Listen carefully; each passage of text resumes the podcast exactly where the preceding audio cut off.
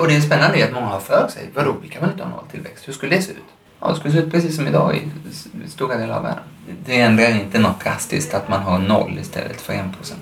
Det här är ett samtal mellan Mattias Goldman, VD för den gröna liberala tankesmedjan Fores, samt Alrik Altvall och Mikael Malmeus på den gröna tankesmedjan Kogito. Samtalet ingår i projektet Samtal om tillväxt, där tillväxtens betydelse för samhällsekonomin diskuteras med ledande debattörer, forskare och politiker. Ända sedan jag började med politik på 90-talet så här har vi haft den här historien om att liksom två människor som sitter hemma var och en för sig ger ingen tillväxt och sen så om man åker hem till varandra och diskar så blir det lite bättre tillväxt. Om man dessutom krockar på vägen blir det ännu bättre. Om någon måste åka ambulans och är på sjukhuset hela helgen men inte helst en arbetsdag så blir det som bäst. Så att det, det, är klart att den där diskussionen har, har man ju haft med sig jämt i mm. hur, mycket, hur mycket plus och minus som fångas in i, ja. i tillväxtbegreppet. Men du, du tvekar egentligen inte i att, att det där du sa, det är ändå det som beskriver tillväxtbegreppet? Att allt finns samlat där, plus ja. och minus ja. ja. Ja, och, och det blir också svårt, eh, därför, det blir svårt att avgränsa det tycker jag därför att eh, många av, av de saker som jag ser som minus är kanske någon annan som plus. Mm. Och i det här minus, ganska själv, först från början ganska självklara minus, gud vad hemskt med en ambulansolycka. Men det finns en massa grejer som, som är plus liksom. Uh, Nilssons specialbilar i Laholm som bygger ambulanserna. Det, ingen skulle tveka att det ska vara med på pluskontot till mm. exempel. Så att, så att även när man bestämmer sig för att vi ska inte ha med det negativa så, så fort man börjar gräva i det så håller folk, går det inte att hitta två människor som är överens om vad det är som ska tas bort i så fall. Nej. Och det betyder att liksom, till slut så landar man i att tillväxt är det sämsta sättet att mäta ekonomi förutom alla de andra. Mm. Uh, och uh, man kan hålla med om alla kritikerna uh, i rätt hög utsträckning. Men de system som har varit annars får man nog se som komplement så här långt i alla fall. Mm. Jag tycker det är fantastiskt spännande med det här eh, välståndsindexet och lyckoindexet. Mm. Även om det mycket berättar mer om en mentalitet än något annat. Frågar man en dansk om den är glad så säger, har de större tendens att säga ja än vad en svensk har. Det betyder inte att de är glada utan det är mm. ett annat linne liksom. Ja. Så hur man neutraliserar för alla sådana saker. Liksom, där har man inte ens kommit utan på samma sätt som man rätt, rätt urskillningslöst och okritiskt rapporterar tillväxtbegreppet så reflekterar man ganska lite de som rapporterar över grön BNP-begreppet mm. eller välfärds eller lyckobegreppen. Att de har naturligtvis precis samma typ, eller inte precis samma typ, men på samma sätt har de felkällor som man måste försöka neutralisera. Då är vi bara i samma moras igen. Mm. Men om man tänker överlag ändå så, så ökar ändå resursanvändandet Absolut. globalt. Absolut. Eh, och ganska hastigt också. Kommer vi kunna bibehålla tillväxt givet det? Alltså, det är klart att det finns olika sorters tillväxt men, mm. men, men det här med liksom beroende på utvecklingsstadierna så, så behöver man mm. eh, inom citationstecken olika former av tillväxt. Men anledningen till att jag vill... Kommer vi kunna bibehålla? Anledningen till att jag vill diskutera tillväxt på, på liksom ett, att jag tycker det är relevant för oss som tankesmedjor och så är ju att jag tycker att det ser ut som att vi inte kan bibehålla samma tillväxt oavsett. Om man liksom mycket förenklat så ser man att de senaste årtiondena så har har tillväxten minskat med en procentenhet per decennium. Till, liksom, nu är vi i något läge där man får vara ganska nöjd i vår del av världen med en procent tillväxt om året. Och backar vi till 50-talet så var det 5-6 procent och sen har det minskat hela tiden. Och liksom, välutvecklade ekonomier verkar alla uppleva ungefär samma sak, att tillväxten stannar av. Och där vill jag landa i en diskussion där man inte inte från början säga att vi ska ha tillväxt eller inte ha tillväxt utan man, man liksom bara slår fast att det ser ut som att den är avstannande. Och trenden är så pass långsiktig så man kan inte bara skylla på en tillfällig depression eller skylla på Lehman Brothers eller vad man nu kan komma på. Utan man måste hantera det mer systematiskt. Och det tror jag förstärks av att vi än så länge har en tillväxt som varit så råvarubaserad och så utsläppsdrivande där klimat är min liksom främsta oro. Det som gör att jag går och lägger mig sent och stiger upp tidigt. Ehm, och, och då, liksom när vi samtidigt ser att vi måste ha en, en förändring där, så vet vi att stora förändringar är kortsiktigt tillväxtdrivande. Det kommer vara kortsiktigt tillväxtdrivande om vi får ett tufft klimatmål i Paris, därför att då måste vi ställa om. Och omställning betyder pengar i omlopp. Lägga ner kolgruvan, eh, sätta upp eh, vindsnurran. Det ger ökad tillväxt. Men långsiktigt så eh, är inte det någon, någon reparation, utan långsiktigt tror jag vi är fast i en sjunkande tillväxt och får nog räkna med att liksom, om inte någon kommer på ett, ett nytt gyllene snitt där så, så och det förstärks av, av digitaliseringen där ju allt fler har tillgång till allt mer direkt och gratis. Det är väldigt mycket av det som förut var självklart att ta betalt för som nu är självklart att det kan man inte ta betalt för. Och det är ju då i sig välfärdsökande och tillväxthämmande. Och det är ju någonstans ett samband mellan, mellan miljö, klimat och tillväxt. Åt liksom båda hållen hur mm. de driver varandra och sådär. Eh, men, men, men där någonstans så har vi också eh, frågor om, om välfärden, mm. eh, om jobben. Mm. Eh, hur kommer de liksom, hur, hur ser sambandet mellan tillväxt, tror du, där? För att även om, om vi då ser som du säger innan att, att eh, ökad klimatanpassning leder till kortsiktiga vinster för tillväxten men långsiktigt så, så, så stagnerar tillväxten. Mm. Eh, oavsett vad vi gör egentligen. Mm.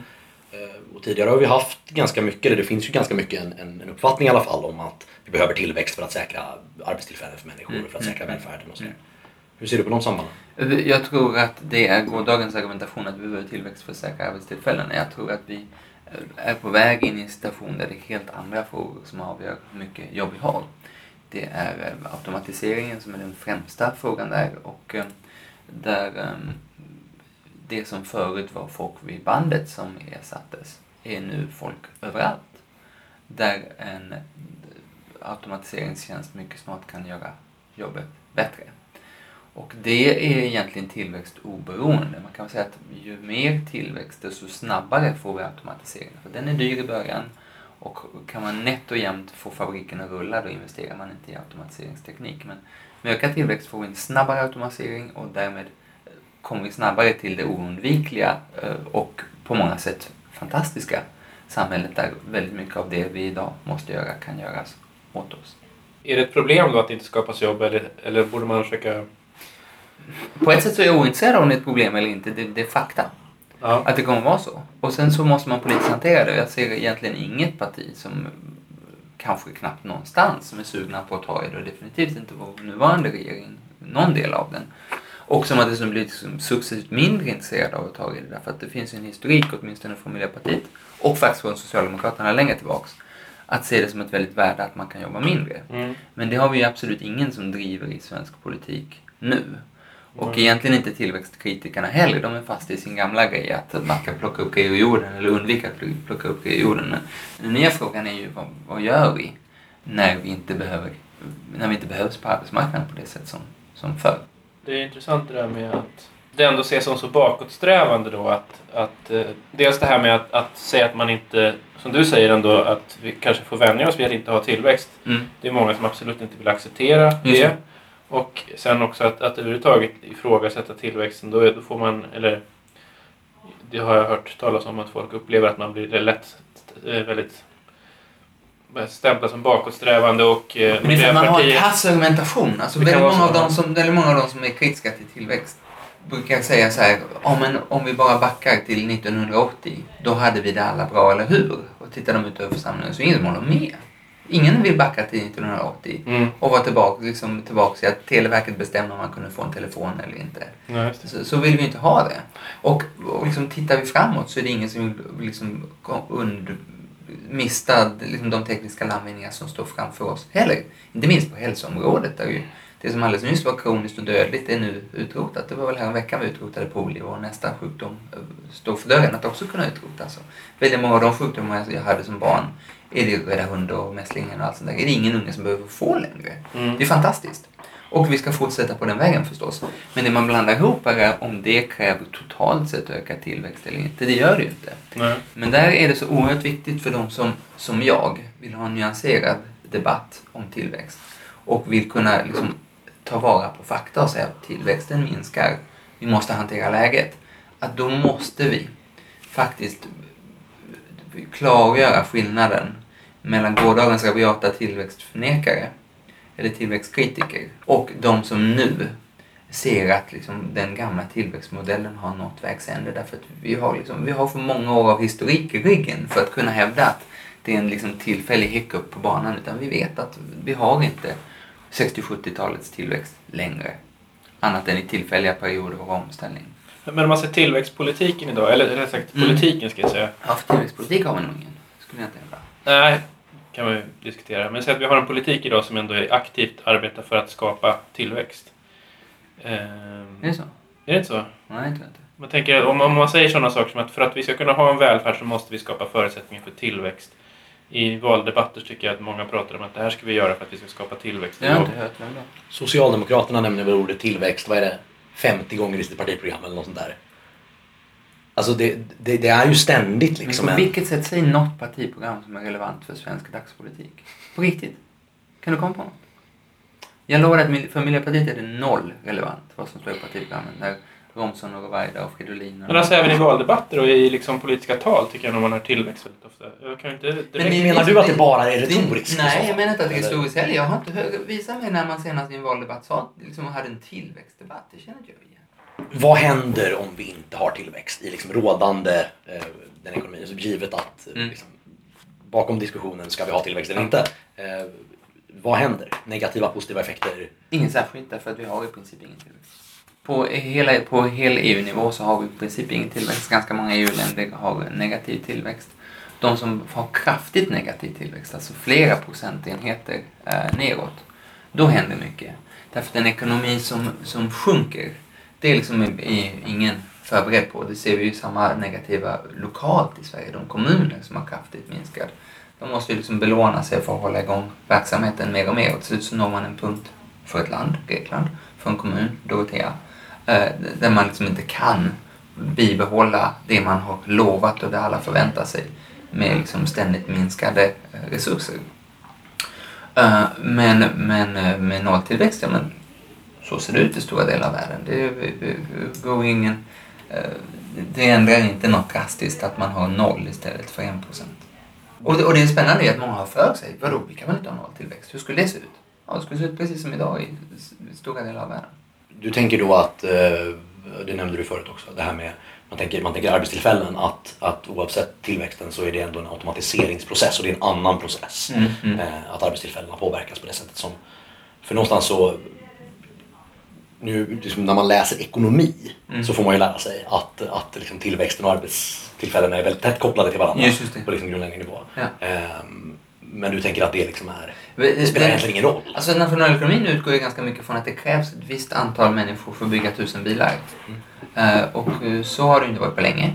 Det krävs färre och färre och framförallt så kommer infaller det där i fler och fler sektorer nu att det krävs färre och färre.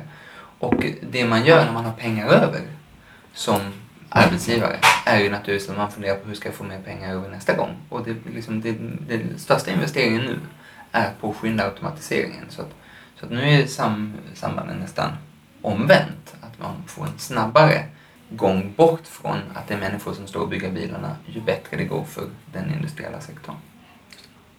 Skatteintäktsmässigt då, om man, om man tänker den här Mm. automatiseringen. Hur, hur, får man, hur får man en välfärd? Fin- Finansierar man en välfärd när, om, om det blir så att vi inte har tillväxt, till och med kanske negativ tillväxt, Mm. att fler, färre och färre arbetstimmar i ekonomin för att, Mm. därför att, ja, så vidare. Hur, hur, eh, blir inte det ett problem då? Det är ju För, Spotify-problemet i kubik. Alltså liksom, det lilla Spotify är ju så här, hur fan ska skivindustrin ta betalt för något som, Mm. när ingen vill ha produkten på det sätt man var van vid förut. mm.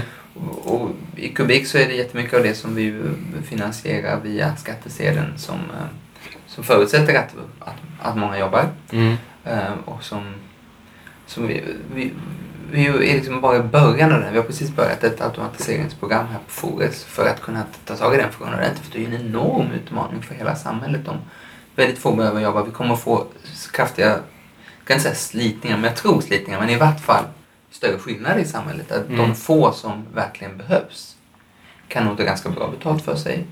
Och de som, in, de som skulle kunna ersättas av en eh, automatiseringstjänst behöver prissätta sig gentemot automatiseringstjänsten. Och de som oundvikligen konkurreras ut av automatisering behöver hitta ett annat sätt att försörja sig. Eller staten behöver hitta ett annat sätt att se till att de får åtminstone en, en grundtrygghet i samhället. Samtidigt så har vi ju en, en, en åldrande befolkning och vore det inte för invandringen så skulle vi ha en minskande befolkning i, i Sverige. Och i tror jag 220 av landets kommuner skulle invandringen, skulle, skulle liksom befolkningen minska om det inte vore för invandringen. Och det här, där är ju, det är nog den sektor där automatiseringen har kommit minst långt. Att vi behöver förmodligen fler händer inom överskådlig tid Mm. inom vården. Mm. Men vi kan inte leva på att bara ta hand om våra gamla. Det är, liksom, det är inte en, en snäv avgränsning av vad vi tänker att vi ska hålla på med. Jag har inte färdiga svar där men det jag märker är att vi liksom, politiken knappt ens försöker ha svar. Utan som ni var inne på håller krampaktigt kvar, kvar vid att fyra industrikansler kan nog lösa det här åt oss. Du har hört ett samtal mellan Mattias Goldman, VD för den gröna liberala tankesmedjan Fores, samt Alrik Altvall och Mikael Malmeus på den gröna tankesmedjan Kogito. Samtalet ingår i projektet Samtal om tillväxt, där tillväxtens betydelse för samhällsekonomin diskuteras med ledande debattörer, forskare och politiker. Läs mer på www.kogito.nu.